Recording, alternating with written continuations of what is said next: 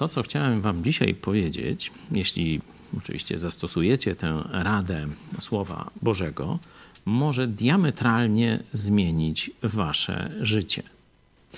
Niepokój jest, można powiedzieć, naturalnym stanem każdego człowieka, chyba że jest skończonym głupcem i nie ma świadomości czyhających na nas z różnych stron zagrożeń i problemów.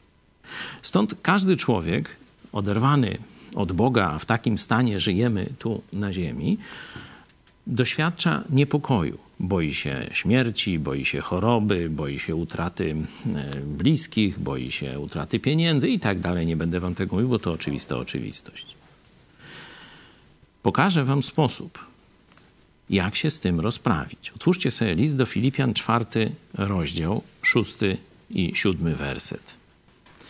Nie troszcie się o nic, ale we wszystkim, w modlitwie i błaganiach z dziękczynieniem, powierzcie prośby wasze Bogu. I teraz uwaga. A pokój Boży, który przewyższa wszelki rozum, strzec będzie serc waszych i myśli waszych w Chrystusie Jezusie.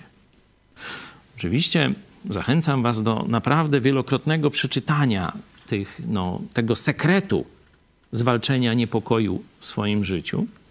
Zwrócę uwagę tylko na dwa, może trzy czynniki. Pierwszy to dotyczy chrześcijan. Jeśli jesteś wrogiem Boga, jeśli jeszcze nie zawołałeś do Jezusa Chrystusa, to sama modlitwa, religijność nic ci nie pomogą. Nawet jeszcze większy strach i niepokój będziesz doświadczał. Ale niestety, życie w niepokoju do, do, dotyka także chrześcijan. Jest też winą chrześcijan. I to chrześcijan tych prawdziwych, biblijnych.